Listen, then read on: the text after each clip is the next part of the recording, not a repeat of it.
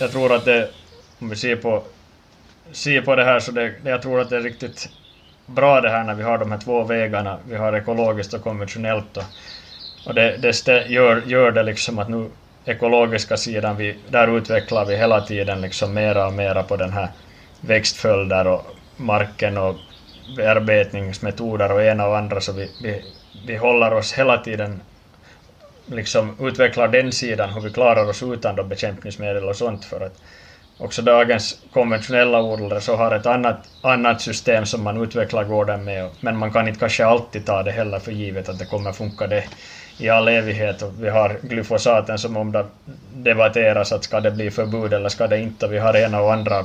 Vi har vissa näringsämnen som att hur, hur mycket kommer vi alltid kunna, kunna bara på konstgjord väg få upp skördarna. Där kan, kan komma mera krav på den konventionella odlingen också att gå i den ekologiska riktningen och då är det också bra att den här utvecklingen sker på de ekologiska gårdarna ditåt hela tiden. Ja.